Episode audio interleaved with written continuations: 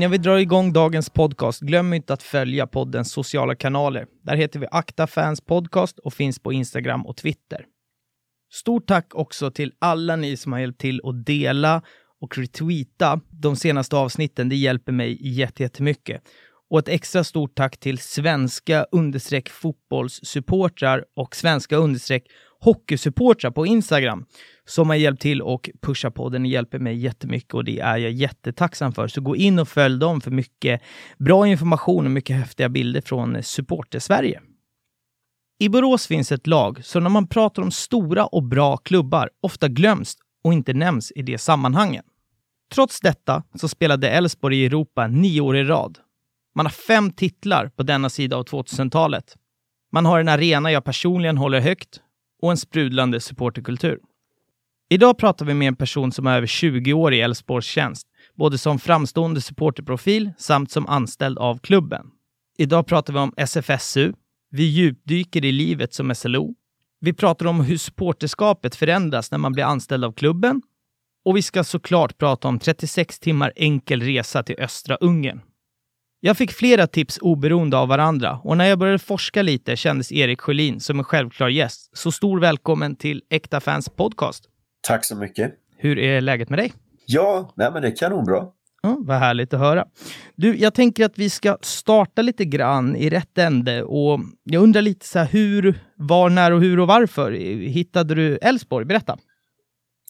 Ja, eh, det var inte helt självklart för att egentligen, eh, jag är ju född 84 så att eh, när jag blev som mest idrottsintresserad så var det ju runt 94-95. Jag hade ju ett fantastiskt år där med både OS-guld i hockey och fotbolls-VM 94. Ja, just. Eh, men hockeyn var ju ganska stor på den tiden och Elfsborg låg ju i söderettan. Så det var inte självklart för oss som bodde utanför Ulricehamn och åka till Borås och kika på Elfsborg. Utan eh, det var ganska mycket hockey då när jag växte upp. Men sen allt eftersom Elfsborg gick upp i Allsvenskan 97 Mm. så eh, åkte vi med laget och det blev fler och fler matcher och till slut så hade jag en kompis eh, år 2000 som drog med mig till klacken. Och eh, jag kände ju direkt att det här var ju min grej. Jag var ju stort fotbollsintresse sedan tidigare och supportkulturen hade ju börjat väldigt mycket i slutet på 90-talet att Mm, växa mm. fram generellt i Sverige. Så att det var ett intresse som jag började få på allvar då också. Mm. Och eh, från år 2000 sen så var jag ju fast. Det här var ju min grej. Mm. Och det var väl, var det liksom supporterkulturen som du, som fångade det, eller var det liksom sporten i sig? För att jag vet med mig och sådär, visst det är väl kul med idrott och sådär, men det är supporterkulturen som var det, det häftiga och det nya så att säga. Hur var det för dig? Från början så var jag ganska nördig kring fotbollen överlag. Men sen när, när supporterkulturen liksom, när jag fick upp ögonen för den, då, då var det ju det som tog överhanden till 100% sen. Ja, jag fattar, jag fattar. Eh, och du har gjort en väldans, väldans massa inom Elfsborg på läktarna och så vidare och vi kommer eh, beta av det mesta här idag. Men jag tänker att vi, vi någonstans ska, ska eh, starta med, om du skulle beskriva så här, om du målar med stora penseldrag, vart supporterkulturen runt Elfsborg befinner sig idag, lite vart den kommer ifrån och, och, och vart den är på väg sådär. Hur, för att i olika klubbar är supporterkulturen olika ung, eller vad man ska säga. Så att om, om, du, om du bara beskriver vart kommer den ifrån, vart är den och vart, vart du anser att den är på väg. Eh, Elfsborg som förening är ju en eh, klubb som har haft ganska bra publiksnitt med jämna mellanrum. Alltså vi har haft eh, en stor publik och sen hade vi ju en ganska tuff period från slutet på 80-talet och början på 90-talet. Men där föddes ju också Guliganerna 91 Mm. som blev den här kärnan som där klacken växte omkring. Ifrån att eh, vi gick upp i allsvenskan 97 så, eh, så växte ju supporterkulturen med, med ganska jämna steg Mm. fram till runt där 05-06 när det blev en explosion. Och där var det en enorm hype omkring Elfsborg och det kan man ju se ännu mer när man tittar tillbaka idag. Under några år där så, så växte vi ju väldigt snabbt och det kanske blev en lite växtverk också. Mm. Nu under de senaste, om man skulle säga i alla fall tio åren, så har ju det mer stabiliserats. Vi, vi har en ganska bra grund att stå på, en väldigt aktiv kärna, flera olika grupperingar med lite egna eh, inriktningar, men ändå liksom en, en stabil eh, paraplyorganisation i form av Gulliganerna. Så att jag skulle säga att eh, ja, men vi har hittat lite vår eh, grund som supporterkulturen står på kring Elfsborg. Och det finns potential om, om det blir en ny storhetsperiod eller ny hype att, att kunna växla upp och, och, och växa ännu mer. Mm, mm. Ja, men intressant. Eh, det här leder faktiskt mig in på poddens och veckans första segment, rätt eller snett, för jag vill jag vill någonstans få din bild av Elfsborg som, som, som fotbollsklubb sådär. Så att, och, och för er som inte har lyssnat tidigare, så, så rätt eller snett är väl egentligen ett, ett påstående eller en fördom som jag har som ibland är en liten armbåge i sidan eller eh, ja, överlag en fördom eller en frågeställning som jag har sådär. Så att dagens rätt eller snett låter så här. Ni ser er själva som en ganska stor klubb i Sverige och vill gärna tillhöra det sletna uttrycket storklubbar. Men missas många gånger i det sammanhanget, vilket känns orättvist. Rätt eller snett? Ja, bra fråga. Eh, ja, men ganska rätt. Eh, vi tycker väl att rent sportsligt, vi, eh, vi ligger ju femma i allsvenska maratontabellen, har ju under i alla fall 2000-talet levererat på en väldigt bra nivå. Men vi, jag tror att vi ändå har landat ganska mycket i att Elfsborg konkurrerar ganska mycket med Norrköping, Helsingborg. Eh, vi är ju lite ungefär i samma storlek som klubbar där. Mm. Så jag tror att ja, men vi vet nog vår roll ganska tydligt ändå. Mm. Sen önskar man ju alltid att vi skulle få ett större erkännande i, i riksmedia och i det allmänna fotbollssnacket i Sverige och sådär. Men det, det tror jag är naturligt att alla klubbar känner att man vill ha större del av kakan. Ja, nej men anledningen till att jag ställde den frågan, det, det är för att dels så, precis som du säger, så sportsligt så har ju Elfsborg varit topplag i många år. Visst, det går ju upp och ner, men det gör det ju för alla klubbar.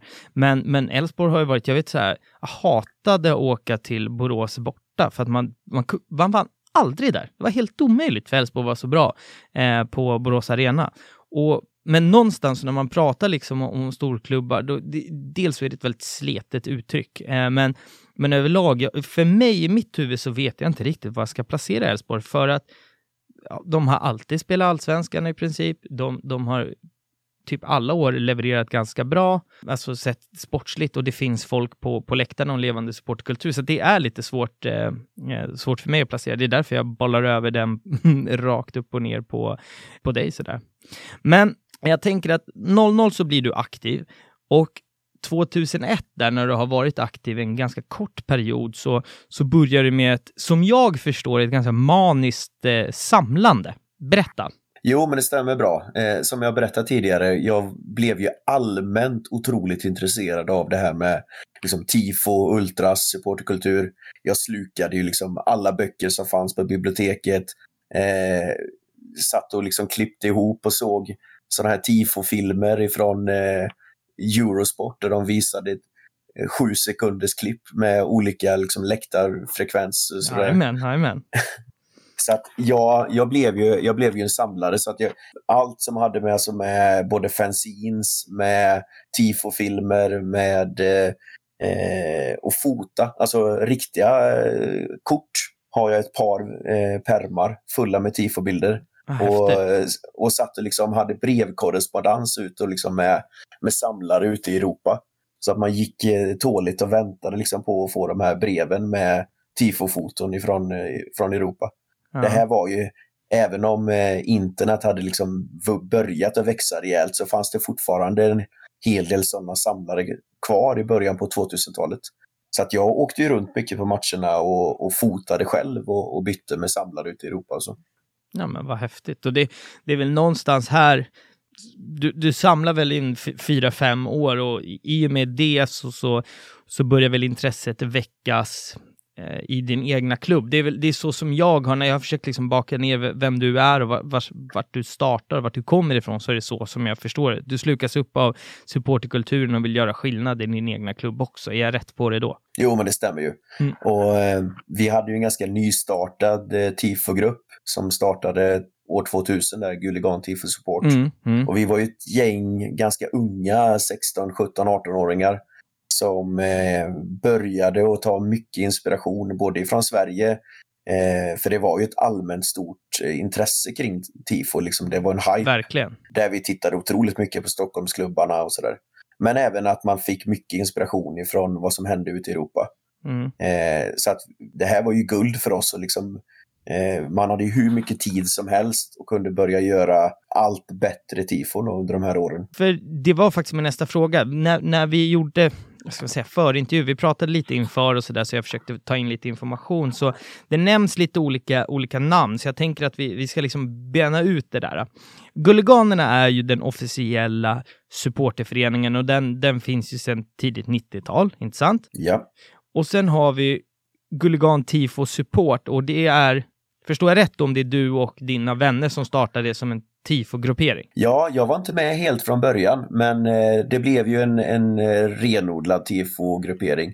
Mm. Det stämmer. Och sen har vi Yellow Fanatics som också dyker upp som ett namn. Vad, vad är de på skalan då?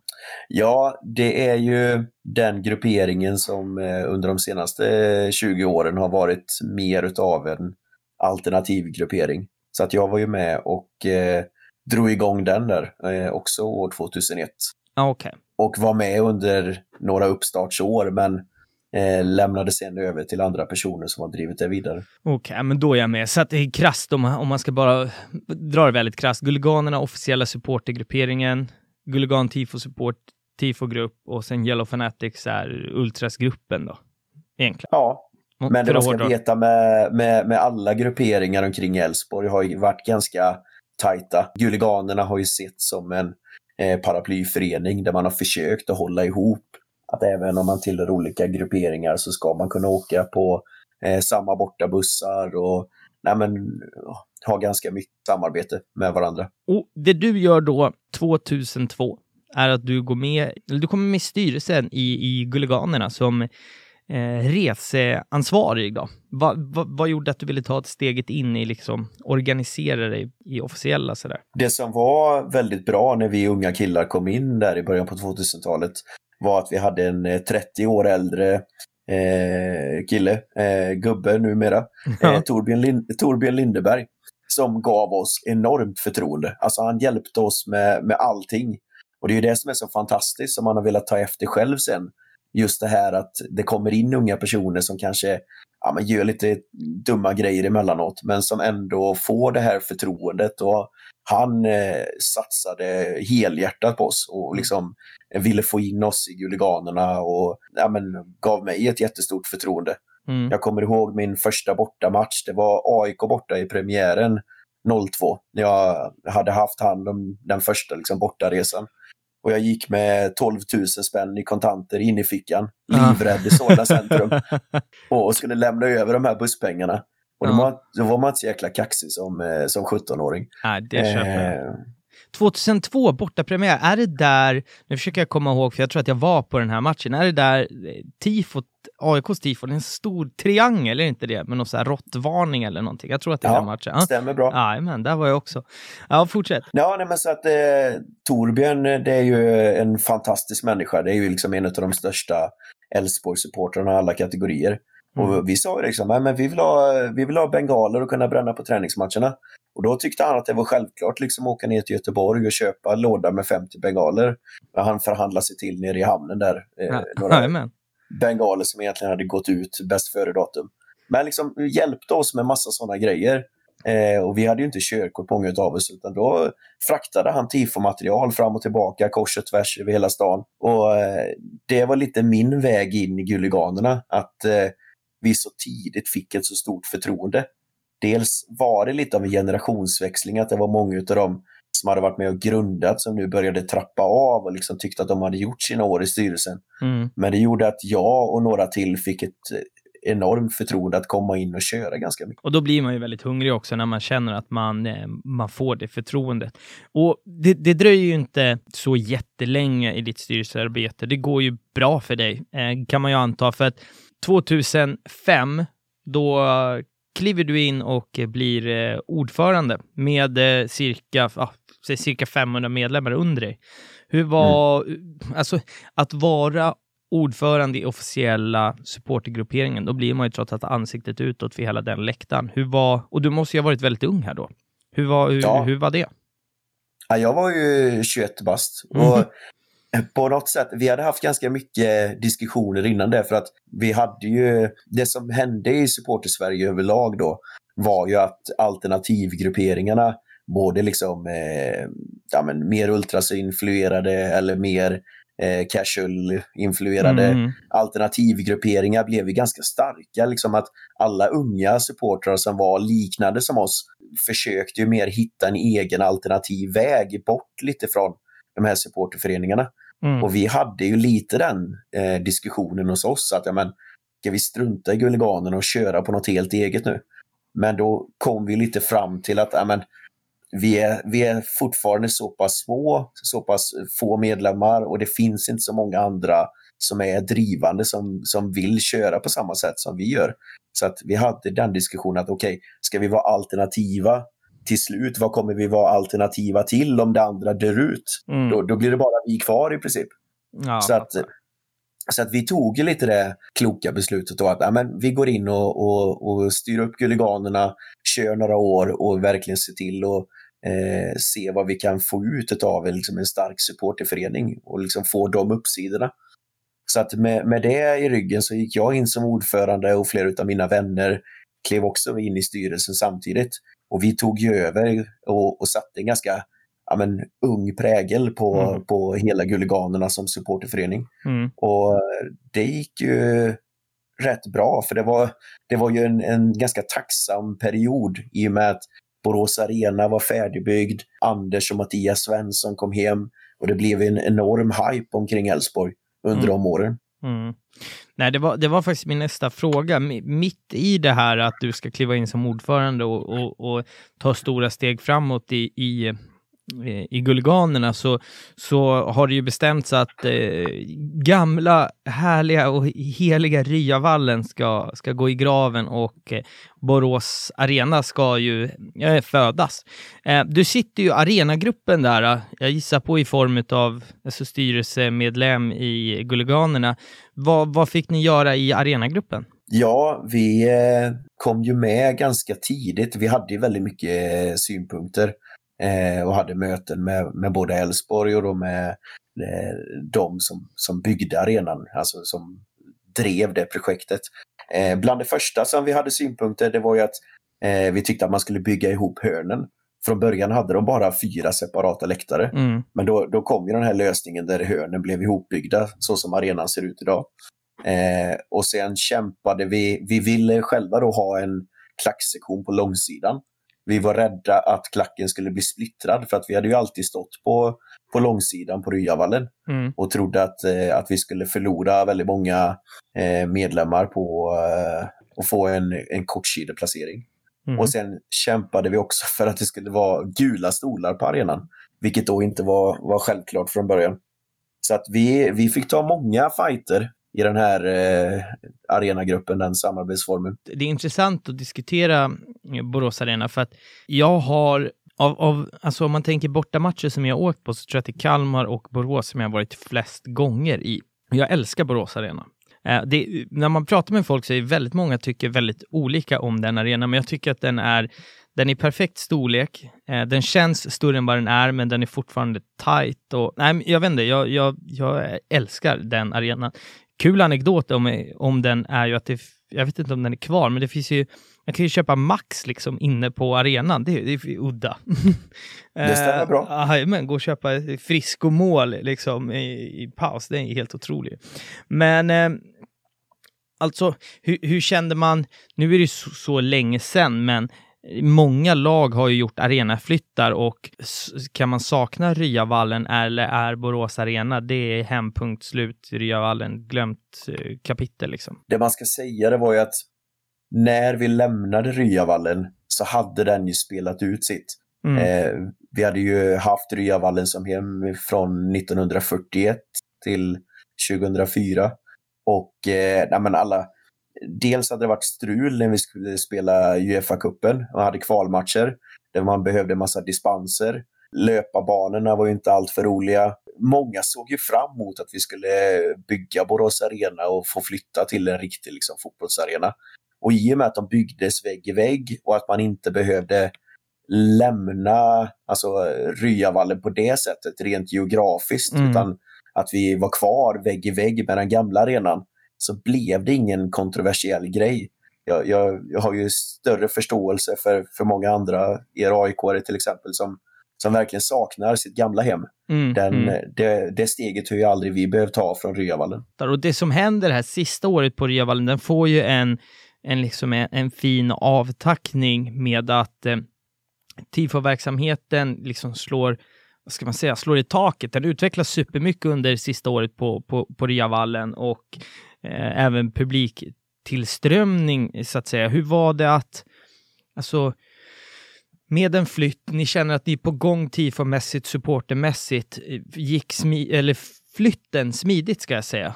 Och blev det liksom en publikboost? Det var ju som sagt i början på 2005 så var det ju en, eh, en stor hype. Man väntade på eh, framförallt att Anders Svensson skulle komma hem. Det var ju mm. den verkligt stora grejen.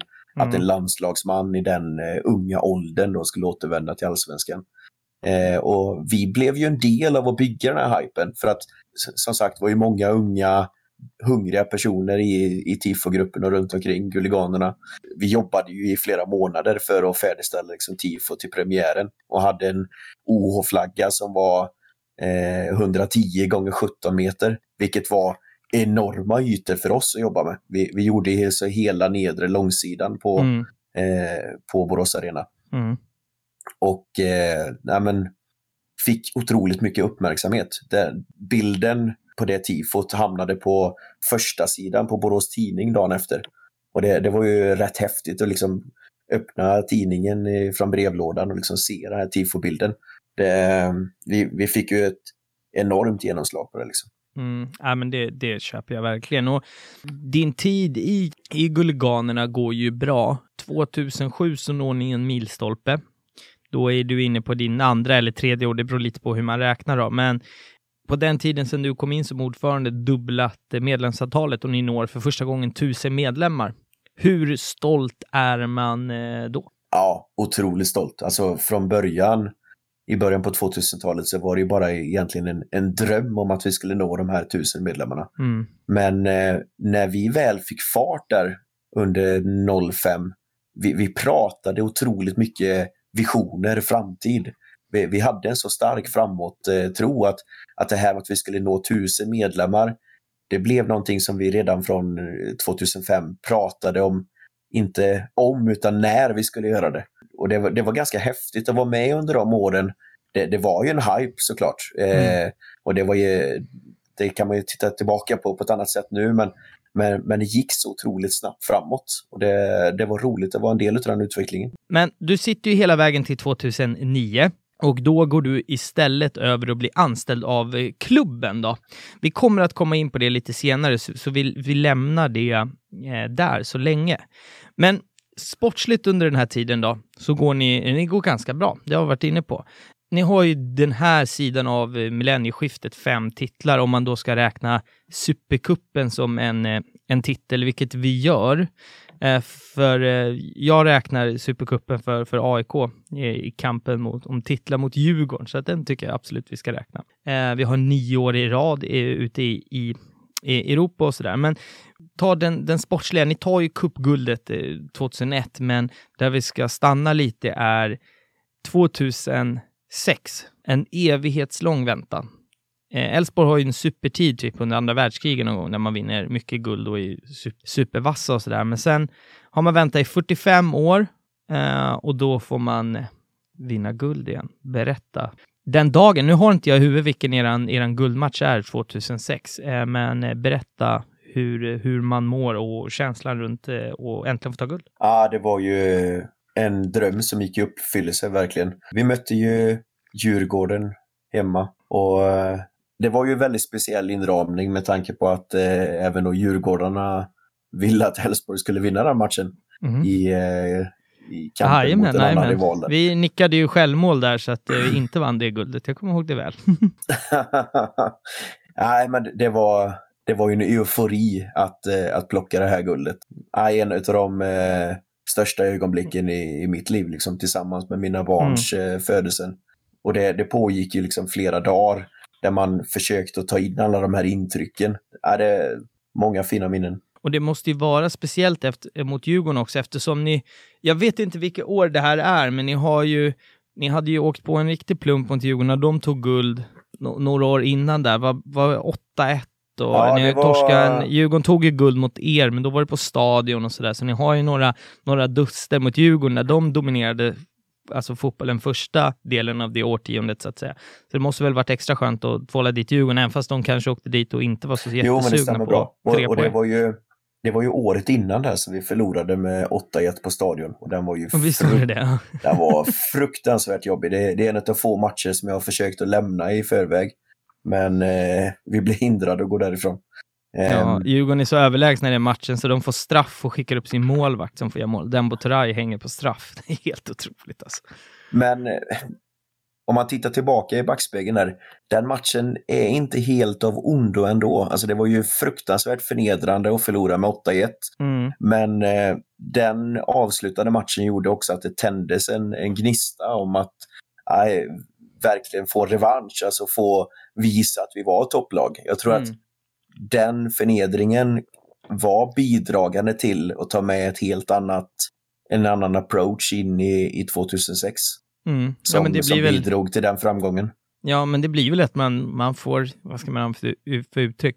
Man får lite hål på bröstet och bröstar upp sig liksom och känner att vad fan, här vill vi inte vara, nu, nu gör vi någonting åt det här. Och jag, jag snappade upp, nu har jag, nu ska jag vara helt ärlig och säga att jag har dålig koll på era eh, publiksnitt historiskt, men eh, du, du skrev ju det att ni var 12 000 i snitt på hemmamatcherna 2006. Det måste ju vara, eller jag bara gissar nu, det är väl ert bästa snitt någonsin va?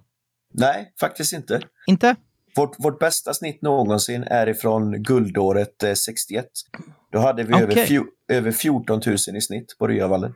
Då, och då hade Borås ungefär 60 000 invånare. Tog hade- Ryavallen 14 000? Det gjorde den inte va? Nej, den tog 23 000.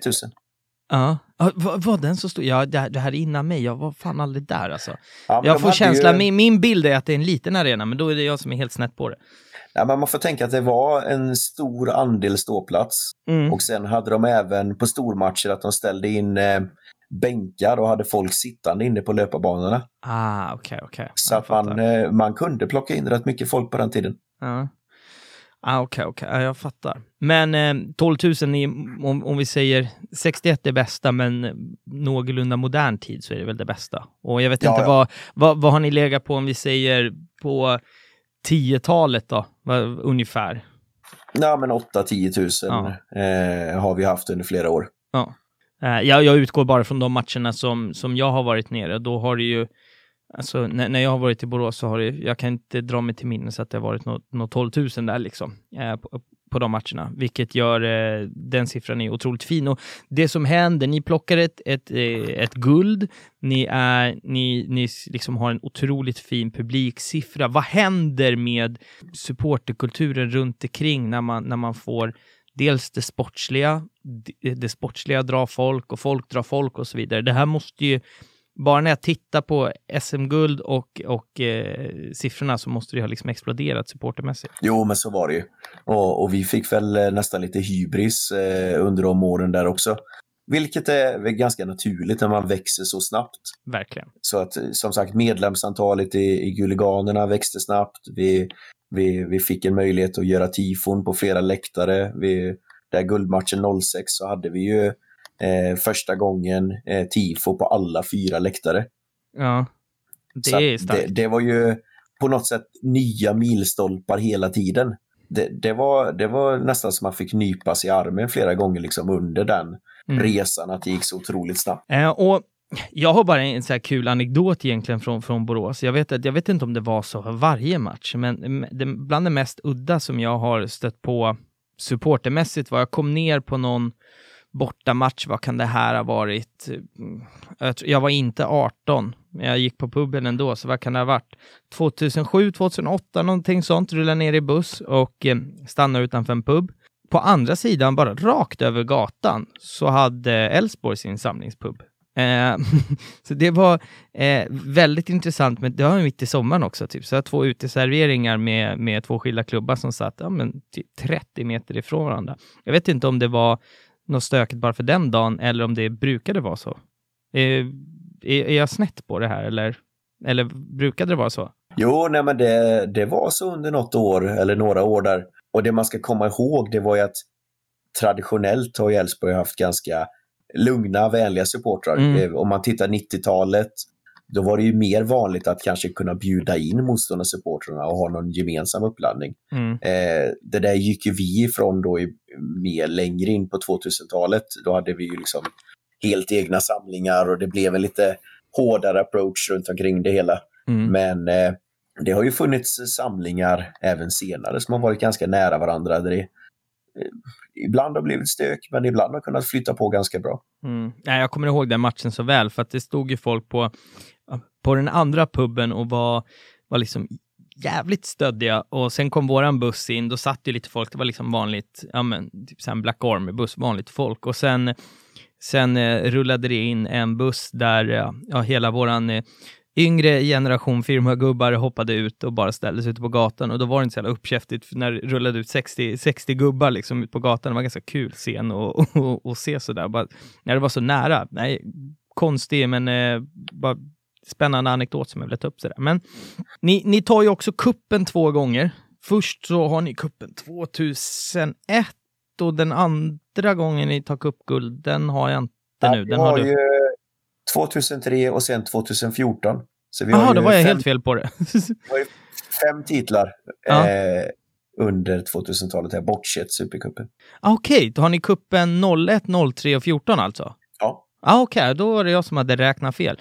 Men kuppen är ju, speciellt 01, 03, min känsla är att kuppen var, det, var lite så här, ja, man brydde sig inte så mycket, men det, det är väl min känsla och det jag har tagit in från kuppen på den här tiden. Hur var din känsla men och hur högt rankar du dem liksom? Alltså det, det var ju en titel och det var ju roligt att vara med om. Eh, men det var ju det att man, man firar liksom på plats, men det var ju inte, jaha, det var inte så mycket mer än så här ungefär. Då var ju 2001, den var ju ganska häftig med tanke på att vi vann på straffar mot AIK där i Mm. Jönköping. Den blev ju lite mer eh, wow-känsla. 2003 på Råsunda mot Assyriska, den var ju, det var ingen riktig wow-känsla omkring den matchen. Eh, Råsunda, det var inte så att det var liksom, biljetterna tog slut på den matchen om jag bara får gissa vilt. Nej, det kan vi konstatera.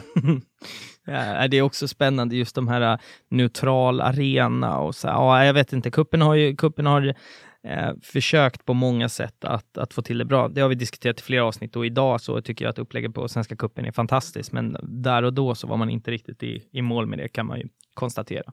Sen tar ni ju eh, guld 2012 också. Hur var det i jämförelse? Alltså, du har ett guld, du har fått uppleva ditt första guld i, i ditt supporterskap 2006. Hur var det att vinna det igen? Alltså om du, om du ställer dem gentemot varandra, hur skulle du känna då? Ja, då är ju 2006 det som eh, står ut verkligen. I och med att 2006 var ju mer eufori, alltså känslan att få vinna första gången. Mm. Eh, och vi var ju fortfarande ganska ja, men otippade att, eh, att vi skulle gå hela vägen där. 2012, då var vi i ett helt annat läge. För då hade vi ju ganska många år med topplaceringar bakom oss och eh, hade varit favorittippade under flera år. Och likadant är att vi tog en ganska rejäl ledning en bra bit in på säsongen 12. Där vi hade ja, men ganska bra marginal ner till tvåan. Och så var vi ju nästan på väg att och, och tappa det kändes det under delar av hösten där. Så då var det ju mer kniven på strupen att man eh, hade ett guld att tappa på ett helt annat sätt. Mm. Eh, så att det guldet, även om, om det var häftigt och man firade, men det var också en ganska stor portion lättnad att vi, att vi liksom rodde hem det.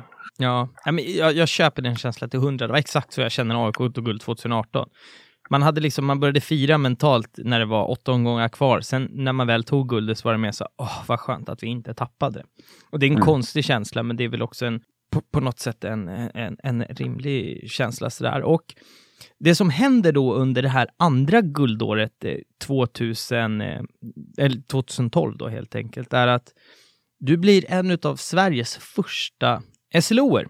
Jag tänker att vi ska dyka ner lite i, i liksom hur det är att vara SLO och så vidare. Eh, om, om, om man börjar med frågan så här, hur och varför alltså, den här tanken föds, eh, att jag ska bli SLO. Du är en av de första. Hur gick det till när du blev SLO? Berätta. Ja, till att börja med så, så var jag ju anställd av Elfsborg sedan 2009. Jag kom in via en projektanställning från någonting som hette Fotbollsalliansen på den tiden. Mm. Så att de gick in och betalade halva min lön och sen stod Elfsborg för eh, den andra hälften så att jag kunde bli projektanställd. Mm. Och Fotbollsalliansen skulle jobba, alltså både då med eh, supporterkontakt och bygga broar där, men också att man skulle jobba med att gå ut i skolor och prata värdegrundsfrågor och jobba med samhällsgrejer. Mm. Så att mm. jag hade ju kommit in eh, och sen kom ju SLO-funktionen ifrån från Tyskland. Eh, Uefa gick in och bestämde att det här är någonting som vi ska införa i alla ligor ute i Europa. Och där var ju Sverige ganska tidiga på att eh, anamma det här. Eh, dra igång en utbildning och börja rekrytera SLOer.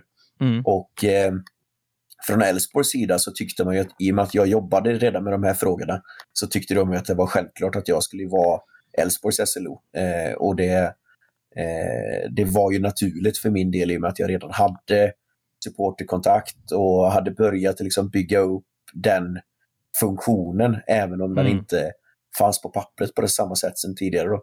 Ja, men det är väl rimligt också. Du måste ju ha varit en av de om inte den mest respekterade på era läktare med, med det du hade gjort? Då. Ja, nej, men jag hade en enorm, fördel liksom, att, att komma in där och ha den eh, liksom, kontaktnätet med våra supportrar. Berätta, alltså, dels, vi har, vi har ju pratat om det här när, när vi pratade Falkenberg-avsnittet så pratade vi ju Eh, också om, om liksom hur det är att vara SLO. Först och främst, berätta lite vad, vad står SLO för? SLO står ju för Supporter Liaison Officer och är ju ett eh, begrepp som har myntats i Tyskland från början. Mm. Eh, innan det kom till Sverige så hade det funnits väletablerat i Tyskland i de egentligen ja, men, tre högsta ligorna. Eh, där man är en person, eh, en funktion som, som ska vara en brobyggare mellan föreningen, supportrarna, med polisen och eventuella andra liksom, eh, som finns runt omkring klubbarna som man behöver ha ett samarbete med. Mm. Så att det här, det är ju en, en vågmästarroll där man, eh, där man hela tiden egentligen ska vara inlyssnande och, och se vilka konflikter kan dyka upp, vilka frågor behöver jag arbeta med. När, när vi hade utbildningen eh, 2012 där mm. så, så var det en, eh, en beskrivelse som en tysk SLO hade lämnat. Och han, han sa att att vara SLO det är som att att ha två galopperande hästar som springer jämte varandra. Den ena är klubben och den andra är supporterna. Och du måste kunna rida på båda två samtidigt. Om mm. den ena drar iväg åt ena hållet, då kommer du trilla av. Om den andra drar iväg åt andra hållet, då kommer du också trilla av. Att du, du måste klara att rida på de här två hästarna samtidigt.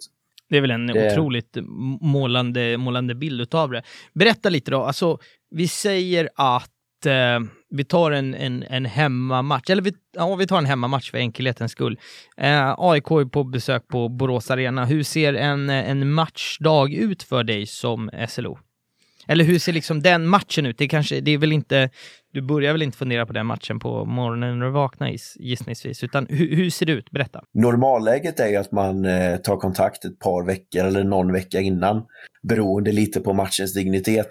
Eh, när det gäller vi säger, premiärmatchen mot AIK 2013 som var väldigt upphåsad, mm. då hade vi kontakt sedan eh, två månader innan matchen. Mm. Och liksom planera allting eh, logistiskt med eh, biljettsläpp, med eh, pubuppladdningar, med eh, parkering av bussar, allt ifrån liksom med, med tifon som ska in tidigare, marschvägar med polisen. Så att eh, en sån stor match lägger man ju ner ett otroligt arbete i förväg Mm, mm. och planerar och har möten och sådär. Eh, är det däremot Gävle en måndagkväll så kanske det räcker att man har kontakten en, en vecka innan och liksom bara stämmer av att ja, det är de vanliga tio gubbarna som kommer. Ja, Mm. då tar vi emot dem och ger dem en, en fin service på kvällen. Där. Mm. Så att eh, ganska stor variation på matchens dignitet och, Mm. och antalet bortaresande och sådär. Men, men samtidigt väldigt otroligt roligt eh, och ett värde egentligen i, i alla typer av matcher och eh, ja, men lite det här att oavsett om det kommer 2000 eller om det kommer 20 så måste man ge dem en, en bra service och en bra upplevelse. Mm. Nej, för att min bild av, alltså det, det jag ser i, med egna ögon så att säga, när, när jag är på, på Friends i mitt fall, då är ju att till exempel med, med, mitt emellan, om man tänker läktaren och planen, så har man typ, ja men vi har väl två eller tre som står lite utspridda på läktaren och händer det någonting så, så förs kommunikationen mellan, vi säger ultrasgruppen som är förbannade på någonting, SLOer, SLOer, till polisen till exempel, eller till klubben, eller alltså sådär. Att de- är e-, egentligen ett, ett mellansteg för att arga supportrar och eh, säg polismakten kanske inte är de bästa två att kommunicera med varandra. De är inte bästa kompisar. Men både polismakten och supportrarna har stor respekt för de som står med de som är SLOer, så då kommunicerar man med dem, så får de vara mellanhanden. Det är ju liksom min bild av vad en, vad en SLO är, så att säga. Mm. Jag vet inte om, jag, om det är bara det. det eller jag fattar att det är betydligt mycket mer, men det, det, det är så som jag ser på dem och när jag ser dem in action, så att säga. Och sen är de självklart på alla matcher oavsett, eh, alltså det spelar ingen roll om man är i Holland, i, i Gävle, Borås eller på Friends, så är de alltid där liksom och håller koll. Ja, nej, men det är ju en roll som har, eh, som har fått eh, väldigt mycket uppmärksamhet eh, och som eh, vi säger Svensk Elitfotboll, förbundet har ju lyft fram som ja, men en framgångsfaktor för, för publikarbetet runt omkring svensk fotboll. Mm. Ja, men det, har varit, det har varit häftigt att se den här utvecklingen där många klubbar har kommit igång och där många har rekryterat och haft otroligt många duktiga SLOer. För det är precis som du var inne på, alltså, det, det är emellanåt en väldigt tuff roll när, när man har eh, arga supportrar som står och skäller och man hela tiden måste göra avvägningar. Vilka frågor ska jag lyfta vidare? Eh, hur ska jag formulera det här så att det når eh, rätt personer på rätt sätt? Eh, många gånger, eh, som du säger, alltså, kontakten med polisen kan vara otroligt infekterad. Eh, och många gånger i vissa frågor med klubben också. Där, Mm. där man hela tiden, när man är den här vågmästarrollen, eh, så måste man hela tiden värdera information. Eh, Mm. vad, vad ska jag säga till den personen i det här läget och sådär. Mm. Så eh, det, är- det, det är en spännande roll och det, det är väldigt mycket psykologi kring hur man formulerar sig och hur man eh, liksom använder den positionen. som sagt, lite i, införs där när jag, när jag fick information eh, ifrån dig, eh, man bygger avsnittet egentligen, så, så har du just på den här SLO-punkten eh, skrivit att svårighet med, eh, eller att arbeta som SLO i Danmark och även eh, Belgien mot Standard Liège. Be, berätta, vad, vad menas med det? Ja, nej men vi, vi har ju haft många fina Europaresor och eh, när, när man kom igång som SLO i Sverige så var, ja men åka till Kopparvallen, det, det löste man ju ganska smidigt med allting där liksom och var lite charmig och trevlig och man fick personalen där med sig. Mm. Eh, när man kom ut i Europa, det, det var ju en helt annan grej. I Danmark eh, mot Nordsjälland, eh, som var en av de första matcherna som jag jobbade som SLO på det sättet, där vi, där vi faktiskt hade stök omkring den matchen eh, med våra supportrar. Och där man skulle försöka att förhandla med den danska polisen. De eh, gick in ganska bryskt och eh, utan eh, att säga för mycket, men de, de var inte så konsekventa i vilka personer de grep och vilka de anklagade för vad. Utan de, de har ju ganska stora befogenheter. Och där var man ju otroligt maktlös som SLO. När, när man skulle försöka och, och lugna ner sina egna supportrar och samtidigt eh, försöka förhandla med, med polisen kring de här personerna som hade blivit gripna.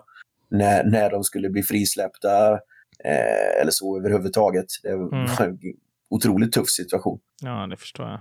Men eh, om man tar Standard Liège i Belgien, då, då var det ju språkproblem som var, som var det absolut största. Vi kom dit och, och man, som SLO så reser man ju för det mesta med, med klubben eh, dagen innan. Mm. Så att man kommer dit och man är på möten och man träffar Uefa och man kollar arenan och allting. Och det gick ju ganska bra. Liksom deras personal, men de pratade engelska och sådär. Men på matchdagen, när, när vi var vid arenan, det var ju inte en människa som pratade engelska. De pratade ju bara franska och stod och tittade på mig som att jag var ett ufo. Mm. När, jag, när jag försökte liksom få hjälp med alla de här vanliga praktiska grejerna som skulle genomföras. Ja. Men då hade jag sån, eh, då hade jag sån tur att vi hade en eh, Elfsborg-supporter ifrån Saarbrücken i, i Tyskland. Ah, okay. en, en, ty, en tysk kille mm. som, som själv körde med sin eh, pappa och några kompisar eh, till Belgien och eh, kom dit. Och det visade sig att han kunde franska. Så att jag fick använda den här killen som tolk, så han fick följa med mig runt överallt kring hela matchen bara för att tolka åt de här personerna. ja. Mellan engelska och eh, franska. Så mm. det, det, var en jäkla tur, för det, det var inte helt enkelt. 2016 så, uh, det här har jag hört från, från andra, jag gissar på att du inte var själv här, men just de här studieresorna som svenska SLO gjorde till eh, Tyskland, eh, St. Pauli och Werder Bremen, som har ju, i och med att det kommer därifrån, så det är ju väldigt utvecklat SLO-verksamheten i Tyskland. Berätta, hur, hur, hur var det att vara där? Ja, det var otroligt givande. San Pauli som klubb har ju många en, eh, en ganska ja, men tydlig bild av. Eh, de, de hymlar ju inte var de står politiskt eh, direkt. Men otroligt givande. Alltså vi, vi fick möjlighet eh, som gästande SLO att haka på deras både säkerhetsansvarig och eh, ja, men klubbens egna SLO mm. eh, och kolla hur de arbetar. En fredagkväll i San Pauli när de hade match och eh, nej men, det, var, det, var, det var häftigt att se alltså hela det eh, folkvimlet på arenan. De, de, hade ju deras egna lokaler på långsidan eh, med fanladen och annat som var öppet där eh, det sker en otrolig verksamhet. Alltså de är så otroligt strukturerade eh, i deras liksom, eh, ja, men, arbete med eh, ja, men både sociala projekt med olika eh, fan projects och annat, alltså där de eh, det är ju ett myller av människor och verksamheter som sker på, på arenan en sån matchdag. Mm. Som, som är väldigt häftigt att se. Det är jätteintressant att, att, att prata just SLO-verksamheten. Eh, Jag tycker att det är, det är, en funktion som är otroligt bra och det är intressant att få höra utav någon som, som faktiskt har, har jobbat med det under en längre period och varit med och byggt eh, SLO-verksamheten i, i Sverige. Sådär. Men hur blir det då alltså? 2009 så började du jobba för, för klubben. Du går från att ha varit en ung kille som har fått, fått chansen att ta stora steg och fylla stora skor inom liksom supportergrupperingar och sen blir man anställd av klubben. Hur ändras ens liksom, supporterskap om man tänker när man, när man blir anställd av klubben från att vara, stå på läktaren till och helt plötsligt så är levebrödet den klubben man, man älskar? Liksom. Hur, va, vad förändras? Ja, det, det, var, det var svårt till att börja med. Dels att många av mina närmsta vänner eh, var de mest drivande i supporterled. Så att de personerna som jag skulle arbeta ihop med mm. eh, var ju också många av dem som jag umgicks med privat. Och det är ju inte helt enkelt om man är liksom ute och festar på lördagen och sen så ska man sitta i ett, i ett allvarligt möte på tisdagen och hålla isär de två rollerna. Mm. Eh, det kanske är lättare på ett sätt om man är i en ännu större klubb där man inte har så tajta personliga band. Eh, där, där man kanske inte känner varandra exakt så. Så det var ju alltså svårt till att börja med att, att vara den som är avlönad. Som, som ideell så... Ja, då kan ja, ingen kräva något. Gör är ju liksom, nej, precis. Alltså, eh, men när, när du är eh, avlönad så, så börjar du ju alltid, då måste du ju leverera. Alltså du måste ju liksom visa att du, att du är värd att vara den som är anställd. Mm. Och ja, men Det där gjorde att jag har jobbat otroligt mycket. Alltså har haft jobbet med mig eh, under många år. Liksom, eh, ja, men har haft lite svårt att vara ledig. Eh, och när man brinner för någonting så vill man jobba otroligt mycket också. Mm. Så att det har varit lite den här balansgången mellan ja, men när är jag anställd, när är jag liksom min eh, yrkesroll och när är jag liksom bara min privata roll. Ja, det har inte varit helt enkelt att, att hålla isär. Nej, men det köper jag också när man har, när man har sina bästa polare som, som också är kanske de som, som leder klacken eller som är, eh, många är väldigt eh, ett stort nylle där så att säga. Det, det köper jag verkligen. Men du, du har gjort jättemycket inom, inom föreningen Elfsborg. Jag, jag har här, du har jobbat inom privatmarknad som SLO, medlemsansvarig. Du har jobbat med eh, alltså så här, hållbarhetsarbete eh, ute i samhället. Jag, tänk, jag gissar på att det är att vara ute i skolor och sånt här, va? Ja, ja. och jag kom ut och, och ja, men föreläste värdegrundsgrejer ute i skolorna. Ja. Och sen ett hedersuppdrag i Historiska akademin. Vad, vad är det? nej, men det, det, har ju blivit lite allt eftersom. Eh, jag har ju några grejer kvar som, som jag har gjort och som eh, eh, även eh, nu när jag inte är anställd så, så har jag ja, men Sven Jonassons minnesfond. Det är en av de största spelarna, har, en, har en mm. minnesfond efter sig. Och också den här historiska akademin. Så att, eh, jag har jobbat ganska brett i Älvsborg mm. och också då ja, men har några sådana ideella uppdrag kvar. Mm. Som, som varit ganska roligt att ja, men, fått ganska stort förtroende under de här åren. En av grejerna som är, alltså det måste väl vara en av de kanske roligaste grejerna med att vara SLO som vi, som vi har pratat om när du har varit anställd av klubben, är ju att man får ju åka på exakt alla matcher. Man reser ju med klubben och tar hand om alla supportrar. Vilket betyder att du har varit på en eh, shitload med eh, bortamatcher. Eh, så att med det sagt så är väl bryggan jätteenkel över till eh, away days. Jag har skrivit ner av det vi har pratat om. Jag har snappat upp hur mycket bortamatcher som helst och en väldans massa Europaresor. Här får ju du sålla vad som är värt att, prata om så att säga. Men, men när det börjar känna på Europa är ju i den bortglömda och bespottade och skrattade turneringen Royal League. Vad, vad kommer du ihåg från Royal League? Vad, berätta, för att nu sitter det säkert en massa unga lyssnare som bara, Royal League, vad är det? Berätta vad det var för liga först och främst. Jo, nej, men det var ju den här eh, skandinaviska ligan som eh, jag tror att den höll på under tre år. Mm. Eh, direkt efter att vi hade vunnit det här guldet 06 så skulle vi börja spela i Royal League och hamna i samma grupp som AIK, Vålerenga och Viborg. Mm. Så att den första bortaresan som, som vi skulle åka på i november 06 gick till den lilla staden Viborg på eh, ja, någonstans mitten på Jylland. Så att vi, eh, vi var ju ett 20-tal som gjorde den resan. För många av oss då så var ju den det var ju den första liksom, utlandsresan med Elfsborg. Mm. För vi hade inte varit med på samma sätt. Elfsborg spelade i Europa 01 och 04. Eh, men då hade vi inte varit med på de bortamatcherna. Ja, men det, det var stort bara att, att komma iväg till, till Danmark och ja, men liksom, ha ett äventyr i, i den pittoreska staden Viborg. Och Royal League, alltså, det, ja, det skulle man kunna göra ett helt eget avsnitt om. Det är så dålig, alltså, alltså idén i sig är kul, men om man tar de nordiska länderna som efter säsongslutet ska spela Royal League, det betyder att man spelade på så här, leråkrar i början på december i minus 12 och sånt där. Det var ja, konstig idé eh, faktiskt, men, men eh, ack, så, ack så roligt. Man kan, eh, man kan sammanfatta med att det var kallt. jag tror jag var på någon Royal League-match och var så här, nej nej, det är så här, vad spelar vi där? Vad betyder det? Ingenting och det är bara kallt och det är dålig fotboll och äh, fy fan. Men sen har vi ju också, å, återigen här, det finns jättemånga eh, matcher som jag, som jag uppfattar det som, så åker du dit som SLO. Vi har Malta, det är du på, Moldavien, eh, Braga, Portugal, eh, Lazio borta, är det någon av de där matcherna som, som är värt att prata om här eller något speciellt eller något roligt som har hänt? Ja, alltså många gånger så får man ju mycket frågor liksom, om de här stora resorna och de, de är ju speciella på sitt sätt. Mm. Men, men jag väljer ofta att komma ihåg de här lite udda resmålen. En fördel, Elfsborg som förening är ju ganska familjär. Och Det jag fick möjlighet att göra då under flera av de bortamatcherna, det var att vi hade, föreningen hade bokat ett stort flygplan för hela spelartruppen och även för då en del sponsorer.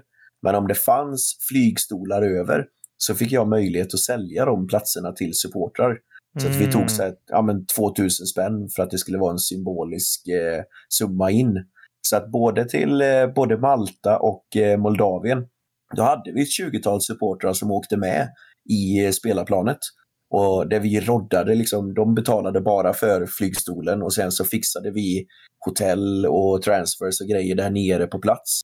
Eh, och jag skulle ju aldrig åkt till Moldavien i vanliga fall. Nej. Men det var ganska schysst för att men då, då var vi ett, eh, ja, säg att vi var ett 15-tal supportrar på plats eh, och eh, hittade ett litet hotell med egen pool där vi liksom bokade in alla 15 på samma ställe. Och eh, hade i princip ett eget hotell vi bodde på. Det är lätt att vara SLO och hålla koll på supportrarna alla bor på samma hotell också. Och så dricker man öl med dem och badar i poolen. Då behöver man ju, kan man ju eh, förena nytta och nöje, eller vad heter det? Arbete nej, och nöje var, lite så. Ja, det var ju fantastiskt. Och alltså, det var ju häftigt att komma till Moldavien i och med att det är ett land jag förmodligen inte skulle åkt till i Mm, vanliga nej, fall. verkligen. Det är ju inte, eh, när, när jag och min fru planerar semestrar så är det inte med på topp tre direkt. Ja, det Eh. köper jag. Ni har också en, ett CL-kval. Nu, jag, jag vet inte om jag vågar ge mig på det här uh, uttalet. Jag vet, eh, ni åker till Lettland i alla fall. Daugavapils, jag vet inte hur mitt uttal är där. Eh, och sen har ni även Celtic borta. Celtic borta är ju det är en fantastisk klassisk resa, men många som har varit där säger att det är, i alla fall idag, är det mer eh, disco och moderna fotbollen än vad man kan tro. Vad har du att säga om de två då? Och hur bra var jag på Ja. uttalet? Ja, jo, men det, det måste jag säga, utan att min eh, lettiska är speciellt vass. Så ja, men vi, vi mötte ju det här, eh, vi, vi skulle spela CL-kval eh, 2013 och fick ju börja med lettiska eh, Daugavapils. Och det här var ju ett fruktansvärt dåligt motstånd. Ja. Jag tror att vi vann med, med 7-1 på hemmaplan eller någonting sånt där. De blev ju utredda för matchfixing i, i efterhand. För Okej. de, de, var ju något frukt, de var något fruktansvärt dåliga. Men, men självklart så skulle vi ju åka på bortamatchen och bara städa av den. Ja. Eh, och det var ju en hype liksom från våra supportrar att vi skulle åka på eh, CL-kval. Så att vi, jag menar, vi hade ju, ja, men, säg att vi var en 50-60 på plats i Daugavapils i, i östra Lettland.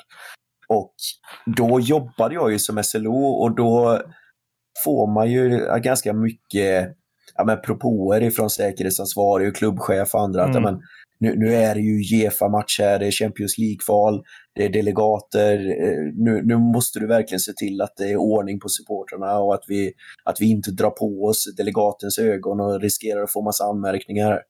Så att jag, jag gick ju ut ganska hårt mot våra supportrar på plats där. Ja, men att nu måste ni verkligen sköta er och ja, men liksom gick igenom den här långa checklistan hur viktigt det var för alla Mm. att sköta sig. Och många var inne på dag två på sin fylla där och kanske inte var helt mottagliga för den informationen just då. Eh, och då kommer vi till den här lilla arenan som, alltså det är ju en division 1-arena i Sverige. Det är Ja, ju nej. inte ens superettanivå, den är så fruktansvärt dålig. Ja. Och, och jag har ju liksom legat på dem att ja, men ni måste nyktra till, alla måste vara på en bra nivå och sköta sig. Då visar det sig att de har tält utanför arenan där de står och säljer starkbärs. Och det där gick ju otroligt snabbt för våra att få reda på. Det kan jag tänka mig. För eh, det var ju sagt liksom att ja, men Uefa-match, det är bara eh, alkoholfri öl som säljs inne på, på arenan.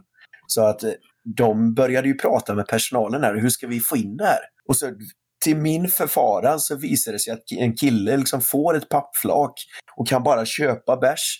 Så han fyller hela pappflaket och bara promenerar in på arenan med starköl till hela sitt kompisgäng. Och blir liksom hjälte. Så att den här, den här fyllenivån som jag var rädd för att den Ja. eh, skulle skena iväg. Ja, Det, det, det gjorde den. det gjorde det. Men det är också vi så när bland- någon säger det är bara alkoholfri bärs, det- då tar man ju fem extra också innan man ska in bara för att hålla nivån. Det är, det är så man funkar på bortamatch. Det är inte kloka beslut som tas här. Och det, det, är, en rolig grej där är att den här matchen sändes ju i tv Mm. eh, i Sverige. Och ut med långsidan så fanns det ett gäng bajamajor Mm. eh, man skulle gå på. Och en av killarna han var ju tvungen att gå och sätta sig eh, och göra nummer två. Mm. men ville ju inte missa någonting utav matchen. Så han drog ju med sig en, en eh, soptunna och ställde upp dörren. Och, sen, och satte sig. Eh, han var, satt och sket och kollade på matchen samtidigt. Och det här syntes ju i svensk tv. Du, jag bara, nu, nu frågar jag till Instagram här. Finns det bild på det här som vi kan lägga upp eventuellt? Inte vad jag vet, men det, det hade varit fantastiskt Ja, att hitta. vi får kika på det helt enkelt. Ni, ni går ju, ni vinner ju här några matcher i, i CL-kvalen. Ni har ju lite sämre motstånd och sen får ni möta Valencia och då gissar jag på, jag kommer inte ihåg vad deras arena heter idag, men är det på Mestalla ni är då? Ja, men det, det var 2007. Och då är det väl på, för, som jag har fattat det så är det ju, Mestalla är väl deras gamla arena, eller jag vet inte riktigt hur det där ligger till. Jo, nej, men de spelar fortfarande på Mestalla, men de, de är nog på väg att bygga en ny arena. Ja, men, jo, men det är nog så. Jag lyssnade, jag tror att det var When We Were Kings som, som, som pratade om det. Jag tror att de har byggt om Mestalla, att det var, den var mycket bättre tidigt 00 än vad den är idag, eller någonting i den, den stilen. Men hur, hur var det att få bränna ner till Spanien och möta ett Valencia? Ja, till att börja med så ska det sägas att jag missade faktiskt den matchen. Ja, Jag okej. var inte på plats borta mot Valencia. Eh, jag tror att jag hade en tenta på högskolan som gjorde att jag inte kom iväg eller någonting. Okej. Någon omtenta eller hur det var. Ja, men. Men eh, det var ju otroligt stort. Eh, och det var ju en otrolig hype för oss att möta Valencia. Jag hade ju varit och kollat på Uefa-cupfinalen 2004 när Valencia tog hem Uefa-cupen. Och sen då bara Just några det. år senare eh, få möta det här världslaget. Mm. De hade ju sådana otroliga spelare med eh, Joaquin, eh, Morientes, eh, Ja. David Villa. Liksom.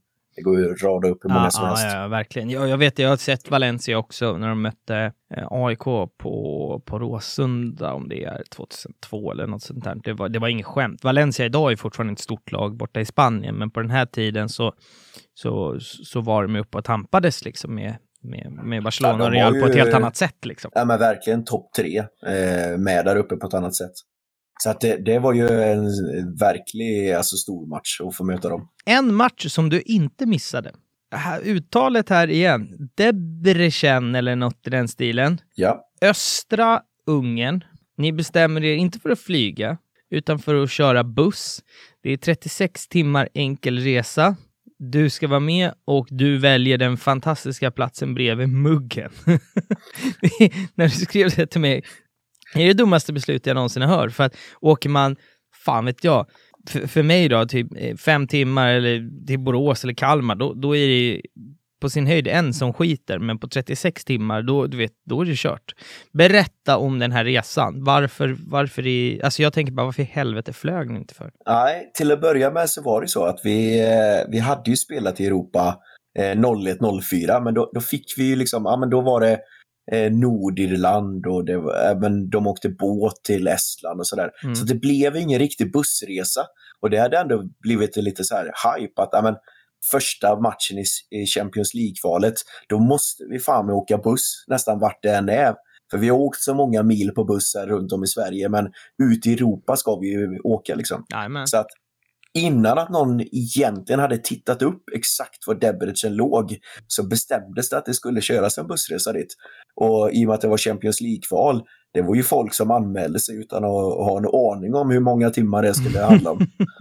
så att eh, vi, vi var ju en 45 tror jag, eh, som, som kom iväg på den här bussresan. Och till saken ska, ska göras att eh, bussen pajade också mitt i natten på vägen ner i Tyskland.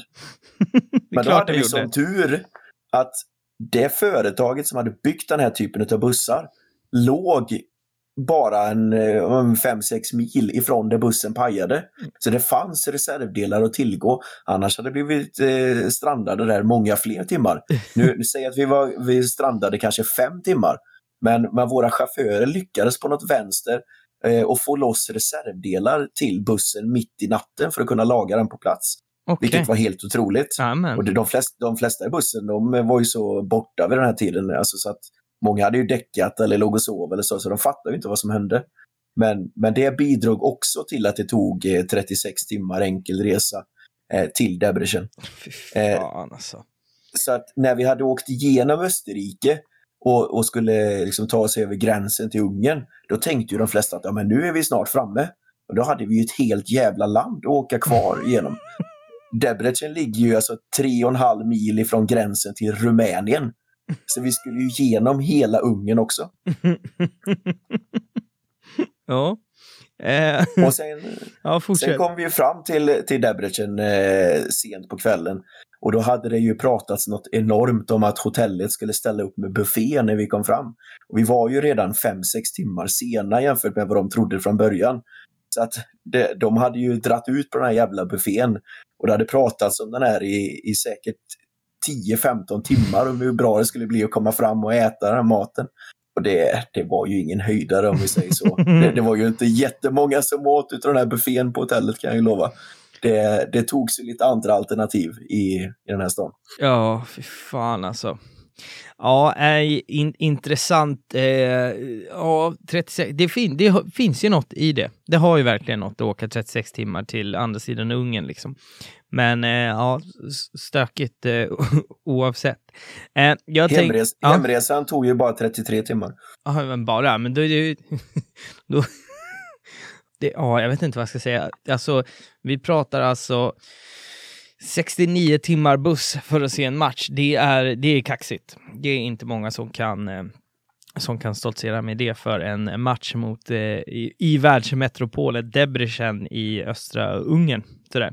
Eh, vi har bakat igenom en hel del eh, away days här, men är det någonting annat, liksom någon bortaresa, någon kul grej eller, eller någonting som vi liksom inte får missa här? Nej, inte vad jag kommer på på rak arm. Alltså, det, det är ju mer så här, eh, tyvärr, vi blev ju lite mätta på Europaresor nästan, i och med att vi hade nio år på raken. Mm. Det gäller ju, alltså när, när det dyker upp Europaresor, då måste man ju fan alltså boka direkt.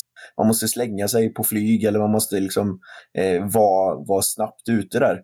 Så att eh, nu har man ju gått och, och verkligen grämt sig lite för några av de här Europaresorna som man har missat, som man inte kom iväg på. Eh, så att nu, nu ska vi spela Europa igen här i sommar. Så då hoppas man ju verkligen att vi får komma iväg. Det hade varit ett jävla antiklimax annars om, det, ja. om man spelar i Europa och inte får åka på någon resa. Men då så, då lämnar vi away days och hoppar eh, raskt vidare. Jag har ett, eh, ett namn, en spelare som, som du redan har nämnt här i eh, tidigare avsnittet, men Anders Svensson. Berätta för mig vad Anders Svensson har betytt för Elfsborg som fotbollsförening. Anders har ju betytt eh, otroligt mycket. Alltså det är han är ju topp två. För mig så finns det två stycken. Det är, det är Sven Jonasson och Anders Svensson som är de topp två största spelarna i Elfsborgs historia någonsin. Mm. Och eh, det är så många olika delar av Anders storhet. Det, det är både att han som spelare var så otroligt duktig, var dominant egentligen, både som mittfältare och sen avsluta som mittback och gjorde det så otroligt bra på den höga nivån. Mm. Men sen också att han valde att komma tillbaka till Elfsborg egentligen på, på toppen av sin karriär. Att man kan säga vad man vill om spelare som kommer tillbaka när de är 34 år gamla och ska varva ner. Men han valde verkligen att komma tillbaka till Elfsborg eh, som eh, landslagsman och på toppen av sin karriär och, och spela så pass många år i allsvenskan. Och det är otroligt stort för mig att han gjorde den typen av val. Nej, för att det är ju en, det är en intressant spelare. Väldigt... Jag förstår att han är stor hos er det är också på andra sidan liksom spektrat så är en ganska bespottad spelare som eh, folk har garvat åt i landslaget och, och liksom gjort sig rolig för. Sen, sen kan man inte ta bort att det, det, är, det är en bra fotbollsspelare och sådär, men hur är den känslan till exempel när man har en, en spelare som är den största liksom för er, eller han är i topp två hos er, sen spelar han landslaget och, och, folk gör sig roliga liksom på hans bekostnad och inte tycker att han ska spela och sådär. Hur, hur, liksom, hur blir den aspekten? allra jobbigast var ju det där 2006, VM i Tyskland. När det var hela den här... Alltså det var det mobbing nästan. nästan. En, ja, men det blev ju nästan en hatkampanj med alla som eh, ville få in Källström. Eh, och även då vi säger vissa kvällstidningar som hakar på och gjorde en grej av det där. Mm. Jag vet, jag själv och ganska många andra Elfsborgare fick nästan så här ett horn i sidan mot eh, landslaget att vad fan liksom behandla Anders på det här sättet. Men det gjorde på ett sätt också att, att vi backade honom ännu mer. Det blev ännu lite mer det här, ja men liksom vår Anders Svensson. Men sen tycker jag ändå att han fick sin upprättelse i landslaget allt eftersom. Mm. Eh, som han ändå, trots alla konkurrenter på den positionen, så fortsatte han att leverera på en så hög nivå under så många år. Eh, så att jag känner att det där landade ändå att han blev ganska ja, men mer accepterad eller nästan folkkär i, i slutet.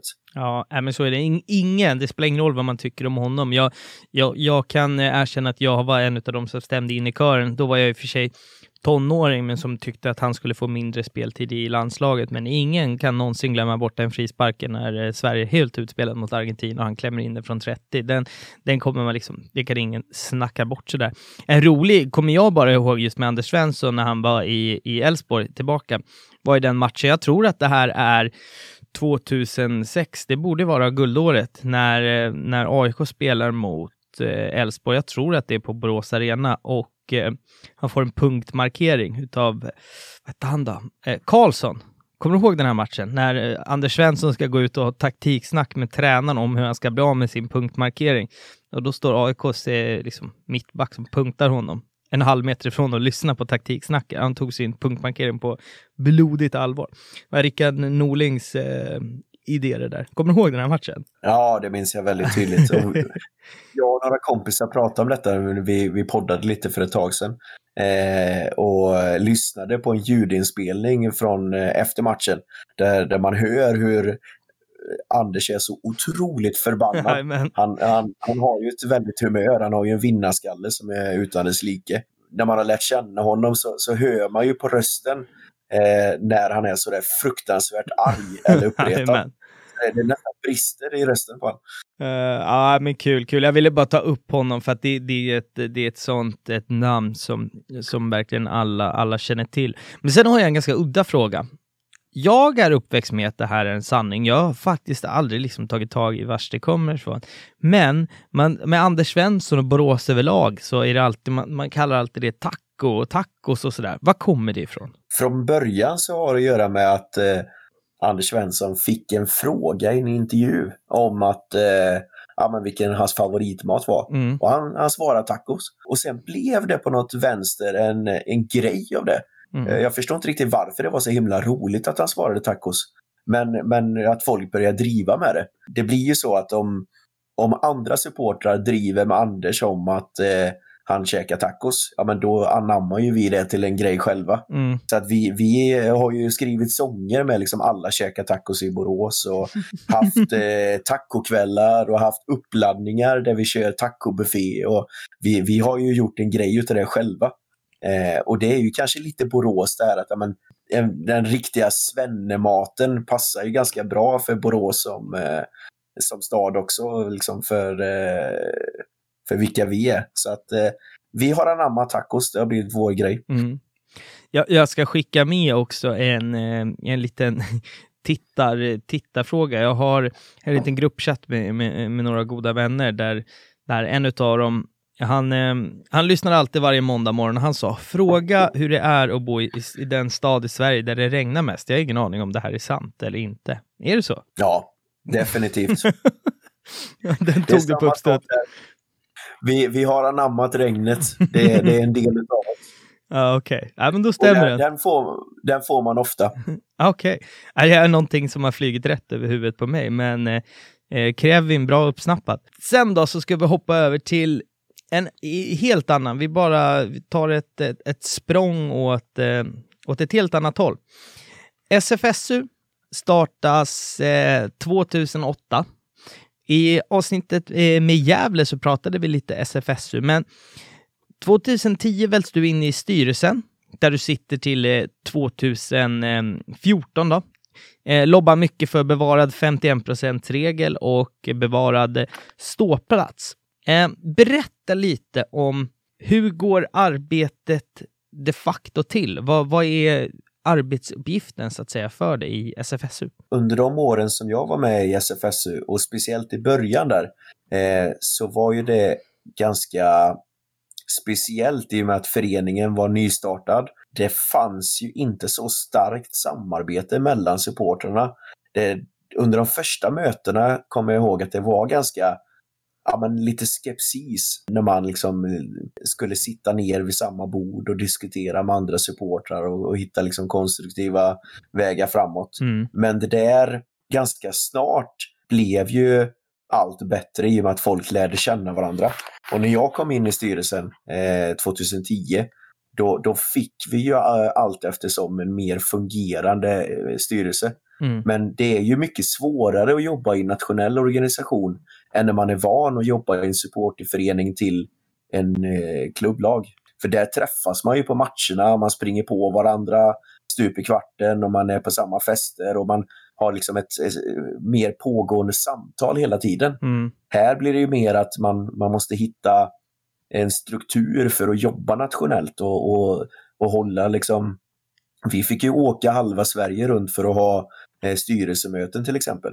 Ja. Eh, och träffas eh, några gånger per år. Men allt mer fick man då liksom jobba via forum och ha telefonmöten och, och få igång den här strukturen. Egentligen var ju vi kanske inte helt 100% redo när vi fick de här stora frågorna. För eh, 51%-regeln, det var ju på väg att avregleras. Eh, och den fick ju vi börja med eh, trots att vi kanske inte var helt färdigorganiserade själva. Men då hade vi en sån otrolig tur att vi hade eldsjälar som eh, Anders Almgren och Tony Ernst och några till som eh, tog en enorm fight och, och, gjorde ett stort arbete även om de inte var med i SFS styrelse. Mm. Eh, vi jobbade mycket då med läktarkampanjer och försöka få en förankring hos de flesta liksom, supporterföreningarna och ens förstå vad, varför det var så otroligt viktigt att ta den här fighten nu och försöka påverka sin egen förening och allt det här. Mm. Så där tog vi ju två stora segrar egentligen. Både att vi kunde stoppa den här ståplatsreduceringen som var i full gång, eh, men också att vi eh, kunde bevara 51%-regeln. Och det är ju fighter som kommer behöva tas eh, igen nu framöver förmodligen. Mm. Men, eh, men det hjälpte ju också SFSU under de här åren att få en ganska ja, snabbt starkare legitimitet i och med att vi lyckades att ta de eh, ja, men, ganska prestigefulla segrarna. Ja, och anledningen till att jag vill ta upp det är väl egentligen att de som gjorde det arbetet, det är inkluderat på, på den här tiden, har eh, vi som egentligen alla som står på, på en läktare och som, som, som har liksom supporterkulturen nära hjärtat, eh, dig och dina eh, kollegor att tacka för, för väldigt, väldigt mycket. Och det var därför jag ville ta upp det egentligen som en dels en möjlighet eh, för dig att få berätta om det för folk som inte har koll på det, men sen också ett sätt att säga tack för det arbetet som ni eh, de facto gjorde. Otroligt viktigt arbete. Vi har, vi börjar närma oss eh, slutet. Det känns, kan inte göra det här avsnittet utan och att eh, prata om året 2014 som blir ett väldigt, väldigt speciellt eh, år eh, för er ett eh, dystert år och ett hemskt år. Berätta, vad är det som händer 2014? Ja, eh, i slutet på 2013 så tog ju Claes Ingesson över som eh, manager eh, för IF Elfsborg. Han var ju i det närmsta friskförklarad. Hade ju fått kämpa med sin cancer under flera år, men, eh, ja, men han, han kom in och orkade och, och, och tog det uppdraget. Men han fick ju tillbaka eh, sin cancer och eh, blev ju successivt under 2014 allt sämre. Mm. Eh, första bortamatchen mot Åtvidaberg, eh, i och med att han hade de här behandlingarna så var han ju otroligt benskör. Så att han trillade ju i omklädningsrummet och bröt armen. Så att eh, matchen därefter, eh, hemmapremiären mot Häcken, så var ju första matchen som han var på plats med armen i, i mitella och med, satt i rullstol under hela det året så slöt ju sig hela spelargruppen, alla supportrar, hela föreningen eh, slöt sig omkring Claes Ingesson. Mm. Det var väldigt speciellt att eh, dels ha en manager som kämpade på det sättet. Han, han tog ju, så han körde ju själv ifrån Ödeshög ner varenda träning, varenda match, varenda samling som han skulle, kunde vara med på. Eh, körde han ner till Borås och eh, ja, man plockade ut rullstolen i bilen och eh, coachade laget i, under stora delar av året i rullstol. Och det gjorde också att vi fick ju börja reka på ett helt annat sätt på allsvenska bortamatcher. H hur man överhuvudtaget skulle kunna ta sig från spelarbussen till omklädningsrummet och sen upp till eh, spelarbänken med rullstol. Mm. Och sen till slut under oktober 2014 så, så gick han ju bort. redan sen tidigare då så, så hade Guliganerna tagit fram en t-shirt med Klas Ingesson Keep the Faith med, med ett motiv som blev otroligt uppmärksammat. Och i samband med då att Klas gick bort så eh, blev det ju en enorm uppmärksamhet just omkring att eh, ja, men Klas som person och att man sörjde och eh, likadant att eh, Elfsborg och Guliganerna tillsammans samlade in pengar till Cancerfonden. Så hela försäljningen ifrån de här t-shirtarna eh, gick ju till Cancerfonden. Så det såldes någonstans 2 500 t-shirtar. Mm. Eh, och det, samtidigt som det var otroligt sorgligt, det var, det var väldigt jobbigt att, att ha en kollega som, eh, som var sjuk och som man eh, försökte stötta men ändå, eh, han, han ville ju liksom in i det sista. Han brann ju så otroligt mycket för att, att fortsätta eh, verka i den rollen och, och tyckte ju att liksom, han eh, ville få ut mesta möjliga av sin sista tid. Mm. Så det, Nej, jag kommer det, det är fort, det, ja. Det är hemskt och supertragiskt. Jag kommer ihåg den här säsongen när man, man såg egentligen under säsongen att han blev sämre och, och, och sämre och sådär. Men Eh, man ska väl minnas honom som, som den kämpen han, eh, han var och eh, de bilderna i alla fall jag kommer ihåg utan att ha följt Elfsborg så otroligt nära 2014 så är ju alla bilder jag har som jag får av honom är ju att trots det läget, trots den här rullstolen så var det alltid ett leende på läpparna. Eh, det är så jag, eh, jag minns honom, som en krigare typ. Och det, det var, när, när, han väl gick bort där sen, eh, så förstod man ju kanske ännu mer hur enormt stor han var. Eh, vi hade ju en minnesplats utanför eh, Borås Arena som fullständigt fylldes med blommor och ljus och halsdukar och eh, vi fick ju börja ta emot kondolenser från supportergrupper till alla hans eh, gamla klubbar ute i Europa.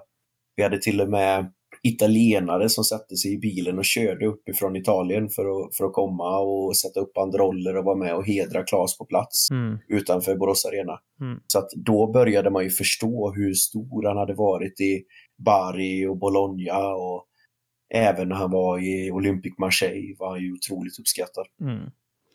Jo, verkligen. Och det, jag, jag, vill verkligen att, även fast det kanske är ett, ett dystert slut på på veckans avsnitt så, så vill jag ändå att vi, vi skickar en tanke till, till hans kvarlevande och, och familj och sådär och, och minns honom med mer värdighet och med, med eh, glädje och må han vila i frid helt enkelt. Nu har vi någonstans med det så, så ska vi knyta ihop säcken här. Vi, vi har eh, hamnat på sluttampen. I somras blir det ju då så väljer du efter 11 år inom föreningen Elfsborg att eh, du är inte längre anställd där helt enkelt. Hur blir det i ens liksom, supporterskap? Du startar din resa, gör, vad ska man säga, kometkarriär inom supporterled, tar upp Guliganerna till nya höjder, går så pass bra så att Elfsborg väljer att anställa dig. Du jobbade i över tio år inom klubben och nu så, så står du där. Hur, eh, hur är känslan nu? Hur ser ditt supporterskap ut idag? Jo, känslan är bra. Eh, det var ett otroligt svårt beslut för mig att eh, lämna Elfsborg. Men det var samtidigt någonting som hade vuxit fram under ganska många år. För som jag var inne på lite tidigare här, eh, det är svårt att hålla balansen mellan vem man är som yrkesperson och vem man är som privatperson. Eh, I och med att jag har två små barn så så kände jag att ja, men, familjen fick väldigt ofta ta stryk. Jag som person är sån att ja, men jag engagerar mig i någonting när, när det är problem som behöver lösas eller viktiga frågor så är det väldigt lätt att gå upp i det. Att, att eh, gå runt och fundera på det egentligen dygnet runt. Och mm. Det gör också att man inte är tillgänglig på det sättet som man vill vara för sina barn. Så på det planet så mår jag fantastiskt bra. Jag, jag känner att eh, jag har kunnat landa i att ja, men, jag trivs på mitt nya jobb, jag jobbar på en skola i Borås och liksom har mer tid med familjen. Men sen eh, ska jag inte sticka under stol med att det inte är helt enkelt att ha varit så aktiv inne i föreningen och sen ta klivet ut och inte ha samma kunskap eh, om vad som händer liksom dagligdags inne i föreningen. Utan nu försöka att följa Elfsborg mer via media och sociala, sociala medier och så som alla andra gör och den, är, den är lite svår. För det är klart att man har mycket tankar och åsikter och det är ibland som man får bita sig i tungan när man eh, kanske till och med är på väg att kritisera någon av sina gamla kollegor om det är någonting som man tycker verkar lite märkligt. Mm. Men, eh, men det får man ju, jag tror att det, det kommer jag nog landa allt mer eh, med tiden här eh, och hitta en väg framåt och lite vilket ben man ska stå på, eh, vad jag ska engagera mig i. För att Elfsborg kommer ju alltid vara en så otroligt stor del utav mig. Så att det är bara egentligen att jag ska hitta vägen framåt eh, som vanlig supporter. Det är väl så, var sak har, har sin tid lite sådär. Du, vi har haft en och en halv fantastiska timmar tillsammans. Det är eh, det har varit superkul att få höra om, om Elfsborg, en klubb som, man, som jag supportermässigt haft ganska dålig koll på, men jag är glad att jag nu kan kliva ifrån det här avsnittet med betydligt mycket bättre koll på det. För er som har lyssnat mycket så vet ni vad som kommer nu. Det är poddens sista fråga som jag ställer till alla som gästar. Eh, vad är supporterkultur för dig? Ja, jag väljer att eh, ta den frågan lite vidare. Jag har ju lyssnat på podden innan så att det har varit väldigt många kloka och bra svar sedan tidigare. Mm. Eh, så att jag väljer egentligen att säga att ja, men supporterkulturen tycker jag fyller en sån viktig funktion i människor i ett samhälle. För att jag ser någonstans att eh, alla unga människor behöver göra någon form av revolt. Så har det alltid funkat. Alltså det, det är det som har drivit på en utveckling i ett samhälle. Och supporterkulturen, eh, den världen som man kliver in i eh, när man eh, helt egentligen frångår sina vanliga normer, när man, när man liksom bygger hela den här eh, kontexten, är också en, en viktig del i ett samhälle. Att, att unga människor framförallt får den möjligheten att ifrågasätta auktoriteter och vuxenvärld och allt vad det heter. För det är det som också skapar en utveckling.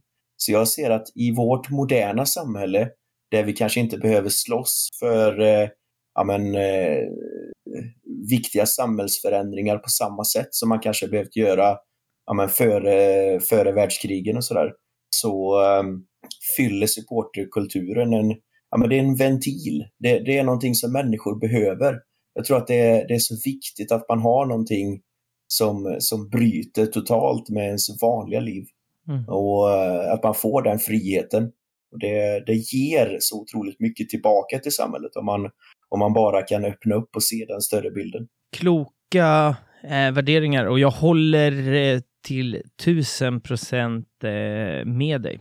Det är mångas, mångas ventil där man får eh, leva ut och jag skulle också säga att det är många sätt att eh, eh, Eh, jag, jag, brukar säga att jag lever i ett eh, Peter Pan-syndrom när man vägrar bli vuxen och man får ju ha kvar det här barnasinnet när man, är, när man har sitt supporterskap. Så att eh, otroligt fina, eh, fina ord sådär. Är det någonting annat som du vill tillägga innan vi tackar för, eh, för oss? Nej, jag är bara glad att jag fick möjligheten att vara med och, och surra lite. Det var väldigt trevligt. Mm. Och jag är väldigt glad att, att du ville vara med. Så med det sagt, eh, hörni, så glöm inte att följa podden på Aktafans podcast på Instagram och Twitter. Det hjälper jättemycket eh, när ni gillar, delar, kommenterar och så vidare och det gör mig jätteglad och visar att ni är engagerade i det. Eh, yes. och med det sagt så hörs vi om en vecka. Ta hand om er. Hej! Över stan Ända från Ryssby till Norrmalm. Himlen blir gul och svart när dagen blir till natt. Jag minns när jag var ett litet barn och alla de drömmar som försvann. Att spela i Elfsborgströjan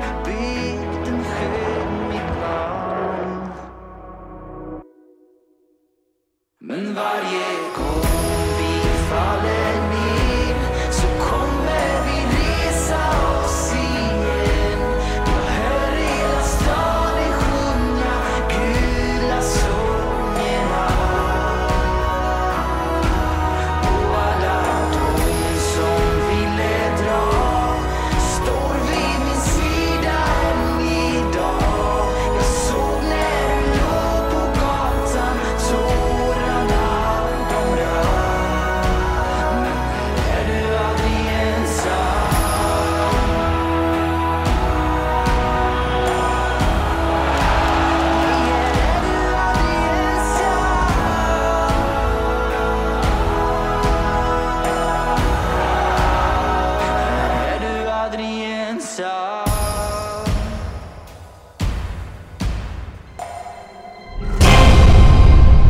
samarbete med Esen Studio.